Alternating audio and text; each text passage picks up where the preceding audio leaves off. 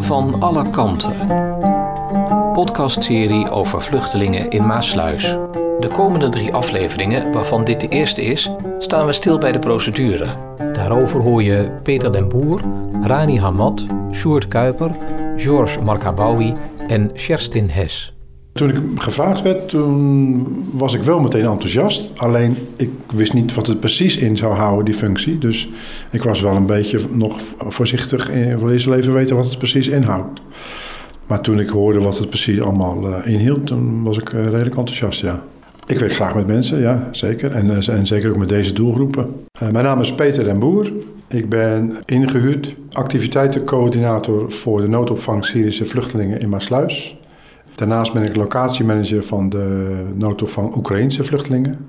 Mijn taak op de boot, op de noodopvang Syrische vluchtelingen, is om uh, nou activiteiten te organiseren voor de mannen. En daarnaast was mijn opdracht om uh, regie te nemen over de verschillende organisaties en vrijwilligers die zich aanbieden. En andere organisaties, omdat daar in het verleden nogal eens wat chaos is ontstaan. Hiervoor heb ik uh, een aantal jaren empowerment trainingen gegeven aan vrouwelijke statushouders. En dat deden wij voor uh, de gemeente Schiedam en Vlaardingen. We zijn overigens gestart in Maasluis. Empowerment trainingen is best wel een, containerbegrip. Dat heeft heel veel verschillende betekenissen. Wij gingen met de mensen op basis van ervaringsleer. Dus we deden heel veel oefeningen. En op die manier proberen soft skills bij te brengen. En ook te leren wat is hun positie in deze maatschappij, wat zijn hun rechten en plichten. En op een gegeven moment uh, werd ik benaderd door uh, de gemeente Maasluis of ik interesse had om deze rol op mij te nemen. En met name de eerste vijf, zes maanden hebben we heel veel activiteiten ontwikkeld. En dan heb ik het bijvoorbeeld over zwemles, over fitness, over buitensport, taallessen. We zijn uh, een dagje naar het strand geweest met een bus met z'n allen. We zijn naar het Blankenberg uh, tunnelproject wezen kijken met een bus met z'n allen. Kortom, allemaal activiteiten om de dag een beetje zinvol te besteden voor de mannen. Inmiddels zijn we wat verder gekomen en ja, is dat niet echt meer onderdeel van mijn taken. En uh, is het nu ook voornamelijk vragen beantwoorden van de jongens.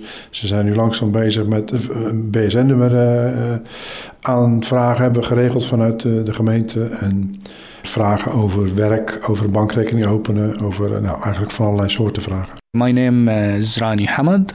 Mijn naam is Rani Hamad. Ik ben geboren in Syrië, in Damascus en 39 jaar oud. Ik ben getrouwd, heb twee kinderen, een jongen en een meisje. Begin januari dit jaar was ik precies een jaar in Nederland. Sinds februari 2022 woon ik in de noodopvang in Maasluis.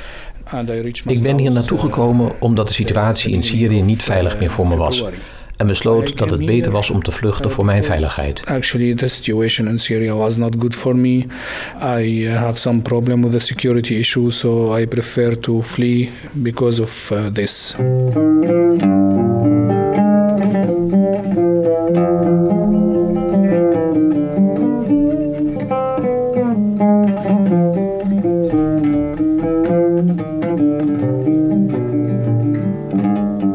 Naam is uh, Sjoerd Kuiper. Ik ben uh, wethouder van uh, bouwen, wonen, ruimtelijke ordening, maar ook werk en inkomen en sociale cohesie. Dus ook de inburgering en integratie. Vluchtelingen vallen in onder mijn verantwoordelijkheid in Maasluis. Zelf ben ik 43 jaar geleden hier geboren en getogen aan de Merellaan in Maasluis. En ik heb maatschappijgeschiedenis gestudeerd aan de Erasmus Universiteit. En eigenlijk al bij het staartje van mijn studie ben ik gaan werken bij de Tweede Kamerfractie van de Partij van de Arbeid. Sinds 2006 ben ik raadslid gegrepen eigenlijk door het belang van de politiek. Want uiteindelijk, alle grote besluiten zijn politiek-bestuurlijke afwegingen. Ik vind het ook uh, heel erg leuk om podcasts te luisteren. Daarom vind ik het ook leuk om deze opname een keer mee te doen. Maak ik het aan deze kant van de tafel mee. Tijdens het hardlopen dan luister ik altijd ook uh, podcasts. Als uh, gemeente heb je verschillende verantwoordelijkheden. En een daarvan is het opvangen van statushouders. Dus dat zijn mensen die naar Nederland zijn gekomen. Die hebben in een asielzoekerscentrum gezeten. En doorlopen een juridische procedure. Is dat echt op basis van het internationale en uh, nationale regelgeving. Daar wordt hun hele verhaal beoordeeld. Er wordt beoordeeld of ze mogen blijven of niet. Als dat achter de rug is en mensen mogen hier blijven, dan zijn ze zogenaamde statushouders. Dan hebben ze een status om te mogen blijven in Nederland en dan worden ze gekoppeld aan een gemeente. Alle gemeenten in Nederland hebben ieder jaar de plicht om een aantal mensen uh, dan ook te huisvesten in hun gemeente. Als gemeente Maasluis doen we dat natuurlijk op een nette manier hebben altijd een aantal, en dat fluctueert naar, naarmate hoeveel mensen er door moeten vanuit de asielzoekerscentra naar de gemeente, maar ook of je voor of achter loopt. En wij hebben bijvoorbeeld in 2015, toen de vorige enorme uh, golf was vanuit Syrië, toen hebben we hier de crisisnoodopvang gehad in de Olympiahal. Toen hebben de mensen hier een aantal dagen echt geslapen op stretchers. Ik geloof bijna 200 mensen. Dat is heel indrukwekkend. Maar we hebben daarna ook opvang gedaan in het uh, klooster. Een uh, voormalige locatie van dakloze opvang die we nog hadden in Maasluis. Daar hebben we toen 40 mensen opgevangen. En die zijn ook langer gebleven daar. Dat is ook de enige manier. Uh, dat moet een beetje humaan zijn. Je kan niet met 200 man in een sportzaal liggen jarenlang of maandenlang. Wat er nu aan de hand is, is dat eind vorig jaar dringende oproepen kregen van het kabinet omdat de situatie in Ter Apel en andere plekken echt mensen onterende toestanden werden. En alle gemeenten kregen een klemmend beroep om eh, mee te doen om eh, te helpen. Wij hebben toen een aantal gemeenten in onze Rotterdamse regio de mogelijkheid gegeven om asielzoekers, dus mensen die eigenlijk nog in een asielzoekerscentrum thuis horen, dus nog geen status hebben, om die op te vangen in onze steden op schepen. Dus rivier cruise schepen, zoals dat heet. Dus niet cruise schepen van de Holland-Amerika-lijn die eh, naar, naar Amerika varen of iets dergelijks. Nee, van de schepen die over de Rijn en de Moezel uh, varen. Daarvan worden nu wat oudere schepen ingezet om mensen op te vangen. Dat is heel handig. Want er zitten al bedden in, er zit een keuken in, er zit douche in. Hè? Dus dat is allemaal eigenlijk heel eenvoudig. Dus met het afmeren van die schepen, en Rotterdam was daar de eerste mee, konden we heel snel voorzien in een, nou, een, droog, een droog dak, een warme, warme plek uh, voor de mensen die anders in tenten op defensielocaties aan het slapen waren. Nou, dat hebben wij eind 2021 hebben we daartoe besloten om dat uh, te doen. Om weer onze verantwoordelijkheid te nemen als gemeente Maasluis. Nou, dat hebben we met de raad besproken hebben we in december toen besloten. En de boot is uiteindelijk uh, eind december afgemeerd. En in begin januari kwamen de eerste mensen aan boord. En we vangen daar 70 mensen op. Uh, grotendeels uit Syrië, sommige uit Jemen, nog een paar enkele. Nou, dat gaat eigenlijk heel goed. De eerste verzoek was voor twee maanden. Dat was zo voorbij natuurlijk. En het is eigenlijk nadat in het begin mensen soms wel zorgen hadden, bleek dat eigenlijk heel soepel te verlopen. En in plaats van de overlast zijn er juist heel veel mooie initiatieven ontstaan van omwonenden die juist de mensen aan boord begeleiden met het leren van de taal, et cetera. Dus dat hebben we verlengd. En we hebben onlangs uh, opnieuw besloten tot een verlenging, omdat uh, de opvangcrisis eigenlijk uh, nog niet is verholpen. En daarom doen we als besluiter nog steeds ons steentje aan bijdragen. Je luistert naar Van alle kanten over vluchtelingen in Maasluis. I am George Markabawi. I'm 28 years old. Ik ben George Markabawi, 28 jaar, kom uit Syrië en leef nu in Nederland. Ik heb archeologie gestudeerd in Syrië. Daarna heb ik een jaar voor mijn master gestudeerd en woon nu sinds ongeveer een jaar in Maasluis. Ik ben gevlucht om de slechte situatie in Syrië, waar iedereen mee bekend is. Iedereen weet ook van de economische oorlog die daar gaande is. Het werd mij daarom duidelijk dat ik Syrië moest verlaten. Maar de belangrijkste reden om te vluchten was dat ik onder de wapenen moest. en dat was voor mij een groot probleem. Want ik wilde niemand doden, maar zelf ook niet gedood worden. Ik koos voor Nederland omdat het een veilig land is en Nederland vluchtelingen niet terugstuurt naar onveilige landen. Ik hoorde hoe vriendelijk de mensen hier in Nederland zijn. Bijvoorbeeld van vrienden die hier al woonden. The people here in Netherlands, I hear how they are friendly. And I know that from many of my friends they live here.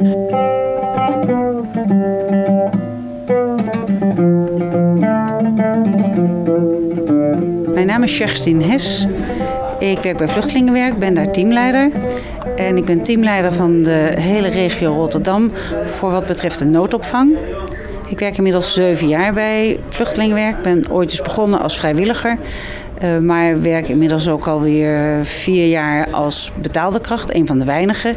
Ik heb een verantwoordelijke functie en ben dus ook aanspreekpunt voor gemeente en overheid. Vluchtelingenwerk is een organisatie die probeert vluchtelingen bij te staan van het moment dat ze zich melden in Nederland totdat ze een plekje gevonden hebben in de Nederlandse maatschappij.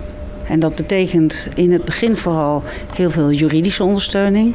De hele asielprocedure, gezinsverenigingsprocedure.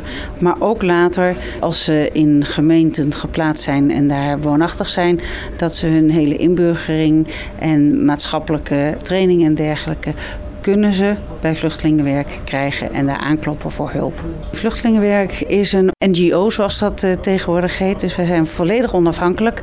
IND is een uh, onderdeel van Binnenlandse Zaken en het ministerie van Justitie. En COA heeft als opdracht van de overheid om de huisvesting te regelen. En wij bemoeien ons daar in principe niet mee. COA is verantwoordelijk voor de huisvesting van cliënten, ja, zeg maar het zakgeld van cliënten, het eten. Zeker hier aan boord zijn zij dus ook ja, verantwoordelijk voor het eten wat ze krijgen. Eigenlijk de ouderwetse bed-bad-broodregeling. Dat ze een bed hebben, dat ze onder de douche kunnen en dat ze wat te eten krijgen. Wij hebben in zoverre wat met huisvesting te maken dat we ze helpen om te settelen. En dat doen we in de gemeenten. En dat betekent dat mensen, als ze een huis krijgen, bijvoorbeeld hier in Maasluis, dat wij ze helpen met uh, het tekenen van het huurcontract, het, het, benaderen van de energiemaatschappij van hey joh, sluit daar eens Elektra aan. Uh, dat we ze vertellen waar de bibliotheek is, de kinderen helpen naar school te gaan en hen daarin te schrijven. Huisarts, de containers moeten op maandag buiten staan en uh, blauwers voor papier en, enzovoort. Dus echt alles wat ermee te maken heeft. Maar met het huis aan zich en de toedeling daarvan. Dus, dus uh, uh, waar ze komen te wonen en of die huizen groot of klein genoeg zijn, daar hebben wij helemaal geen zeggenschap in. Wij begeleiden alleen maar.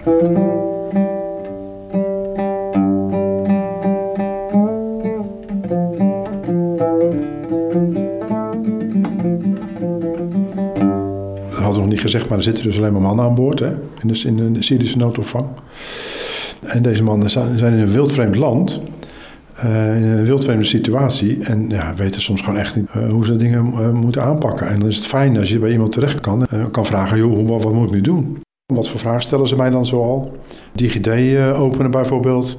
Of ehm, hoe ga ik met de metro mee? Want je moet ook eerst een OV-kaart kopen. Voor ons zijn het allemaal hele simpele en, en, en dagelijkse dingen. Als je hier nieuw bent, dan moet je dat eerst allemaal nog leren. Hoe open ik een, bankrekening? Maar ook iemand die zei: Ik heb zo'n last van mijn ogen, ik moet naar een oogarts. En blijkt dat hij gewoon een leesbril nodig had. Dus gewoon een leesbrilletje gekocht met kruidvat en die man is helemaal gelukkig. Dus eigenlijk redelijk simpele dingen. In het begin was dat wat terughoudend. En zijn ze heel erg vriendelijk en politiek correct qua antwoorden en qua verhalen. Wat ik heel goed snap, want mensen zijn onzeker en bang. En als je eenmaal een beetje het vertrouwen gewonnen hebt, dan komen ze ook echt met de diepe verhalen. En die zijn niet altijd even leuk. Zeg maar. Nee, en dan druk ik me nog voorzichtig uit. Ja. Soms neem ik het wel eens mee naar huis, maar het is niet zo dat ik er nou echt van wakker lig. Maar het is wel zo dat je wel eens denkt: mijn hemel, wat hebben wij het dan behoorlijk goed getroffen hier in Nederland. my journey start from Ter Apel. I stay for one night at Ter Apel. Mijn tocht begon in Ter Apel. Ik bleef één nacht in Ter Apel. Daarna werden we naar een ander AZC gebracht. Ik ging naar Budel. Daar ben ik twintig dagen geweest en had ik mijn eerste gesprek met de IND. Daarna kreeg ik een brief waarin stond dat ik naar Maasluis zou gaan. Zo kwam ik in Maasluis terecht. Nee, ik wist niets van Maasluis. Het was grappig dat we niet eens wisten hoe we Maasluis moesten uitspreken. It was funny that we even don't know how to it. We, we were say Maasluis. En toen we na een lange reis met de bus Maasluis bereikten, omdat we eerst langs verschillende locaties moesten om mensen naartoe te brengen, ontdekten we dat het vlakbij Rotterdam ligt en dicht bij zee en meer van dat soort zaken. Then we know that it's near Rotterdam and it's near the sea and these issues. Je luistert naar Van alle kanten over vluchtelingen in Maasluis. Ik denk dat het verstandig is om eerst even een, een, een, heel klein beetje uit te leggen hoe de organisatie van vluchtelingenwerk georganiseerd is. Gerstin Hes. Wij hebben op dit moment zeg maar drie takken van sport. En één tak van sport die is pas sinds maart zeg maar, uh, opgetuigd. En dat is de uh, tak die de Oekraïners bedient van alles wat daar uh, mee te maken heeft. En dat is echt wel een andere tak van sport dan dat we tot dan toe gehad hebben aan de reguliere vluchtelingen, zoals wij dat dan noemen.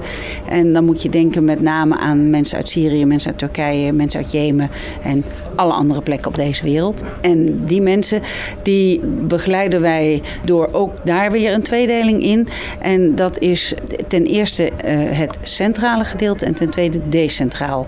Decentraal is dus de opvang in de gemeente zelf. Dat wordt door, ook gefinancierd door de gemeente. En het centrale is dus alle opvang die plaats heeft in ja, zeg maar COA-locaties. Oude woord is AZC.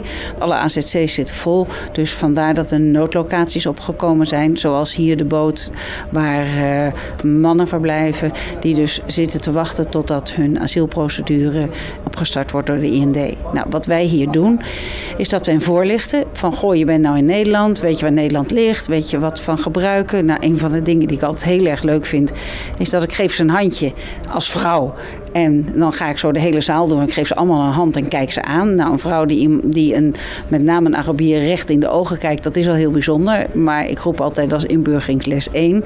En inmiddels liggen ze hier dus al een tijdje aan boord. En als ik binnenkom, dan is het, Christina, en ik krijg van iedereen een hand. Dus die les hebben ze in ieder geval geleerd. Dus dat vind ik erg leuk. Maar mijn grootste hap van mijn werk is dan de informatie. Wat staat je te wachten? En als je in Nederland mag blijven, wat doe je dan in Nederland? Nederland. En als je een verblijfsvergunning hebt, wat heeft dat voor consequenties? En dan daarna zijn er een heleboel die graag hun gezin naar Nederland willen halen, daar ook recht op hebben. En dan begeleiden we hen in die uh, gezinsherenigingsprocedure. Wij zijn hier op het schip in principe één dagdeel in de week. En dat ben ik niet altijd. Dat is meestal een van onze vrijwilligers die hier komt. Met de vragen die hier dan zijn, komt hij, als hij geen antwoord heeft, naar kantoor. En dan probeer ik hem bij te spijkeren. Maar de soort vragen die hier komen, ja, die kunnen allerlei zijn. Heel officieel mogen wij alleen antwoord geven op de vragen die juridische zaken betreffen. Hoe lang moet ik nog wachten? Geen idee. Heb ik al een advocaat? Officieel nee, maar ook dat proberen we te regelen voor de cliënten. Wanneer ben ik aan de beurt? Want dat blijft een grote vraag. Krijg ik al een BSN-nummer? Want BSN-nummer is heel erg belangrijk voor hen, zodat ze kunnen werken. Heb je werkvormen? Dat is ook een vraag die ze eh, graag bij ons neerleggen. Maar veel van deze vragen zouden opgelost moeten worden door het COA. Maar ook daar is natuurlijk een enorm personeelstekort. En mensen die uh, hier inmiddels aanwezig zijn van het COA zijn in een stoomcursus geschoold en hebben ook niet alle antwoorden. Dus ja, dan ben ik ineens een vrouw van 62 met zelf kinderen in eind 20-jarige leeftijd. Dus vind ook dat ik met deze mensen mijn best moet doen om hen zo goed mogelijk antwoord te geven.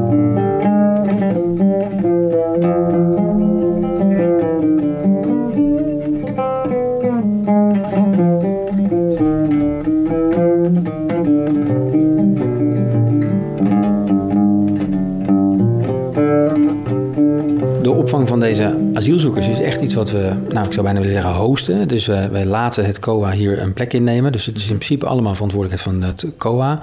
De hele juridische procedure waar de mannen die erop wonen dan doorheen moeten om van asielzoeker naar statushouders te, eh, te komen, dat werkt bij de IND, de Immigratie- en Naturalisatiedienst in, in Nederland. En daar zitten experts en die interviewen de mensen, daar moeten ze hun papieren inleveren en die beoordelen echt van geval tot geval of de mensen hier zich mogen gaan vestigen of ze een status krijgen of niet.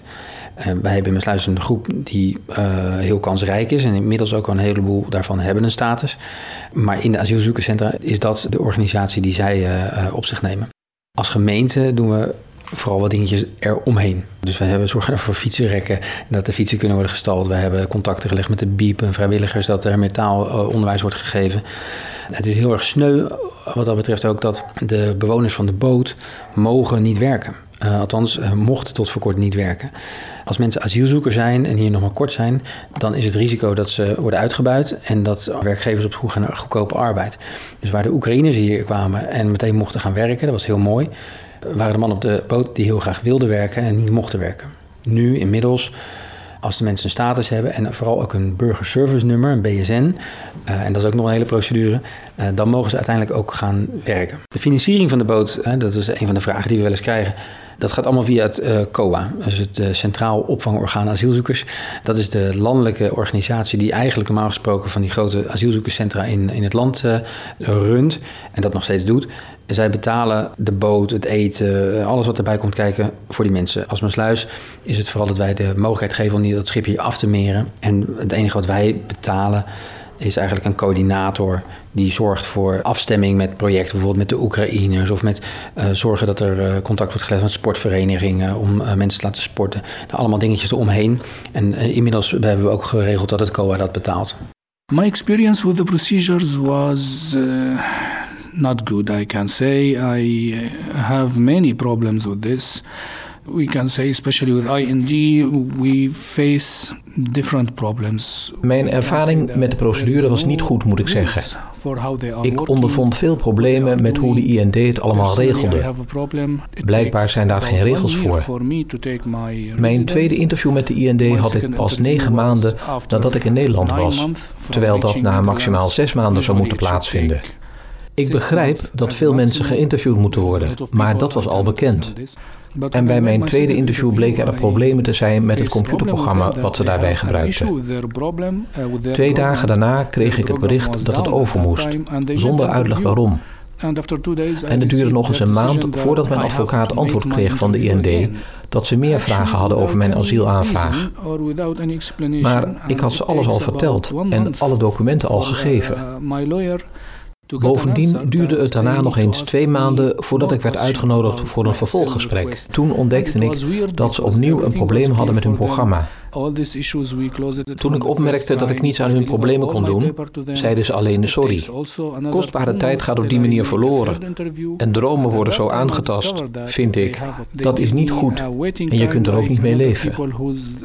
Verder is het een probleem dat je er niet over kunt praten met de IND, omdat je ze niet kunt bereiken. Altijd geven ze als reactie dat ze onder druk staan en ga naar je advocaat. Maar de meeste advocaten zijn al druk en raken ook verstrikt in de procedure. Het probleem is bovendien nog groter voor vluchtelingen die de Nederlandse taal niet beheersen en nog steeds wachten op hun tweede gesprek. Die vaak eenvoudige mensen weten helemaal niet wat ze moeten doen. En steeds geeft de IND hetzelfde antwoord. Laat je advocaat met ons praten. Ik denk dat het goed is als iemand hier eens naar kijkt. So this needs some update or some review, I think. En daarmee zijn we gekomen aan het einde van de derde aflevering van de podcast-serie. Van alle kanten. Dit was het eerste van drie delen over de procedure. En dit is wat u de volgende keer zoal kunt horen. We hebben behoefte aan arbeidskrachten, dus een bedrijven er vlakbij die ze graag een kans willen geven en toch mag het niet. Nou, dat is wel eens frustrerend. Om een, een indicatie te geven zijn we per gezinshereniging van de personen die er nu zijn, zijn we een dagdeel bezig om dat allemaal in te vullen alleen al. Gevolg was dat ze een paar maanden extra moesten wachten voor een nieuwe afspraak. Zoiets begrijp ik niet. Als je toch bij een organisatie als de IND werkt, zouden daar toch procedures voor moeten zijn? Zij wekken de indruk dat ze het enorm waarderen. Uh, en dat geloof ik zeker ook. Uh, tegelijkertijd snap ik ook wel dat als je in een afhankelijke situatie zit, dat je aan iemand vastklampt.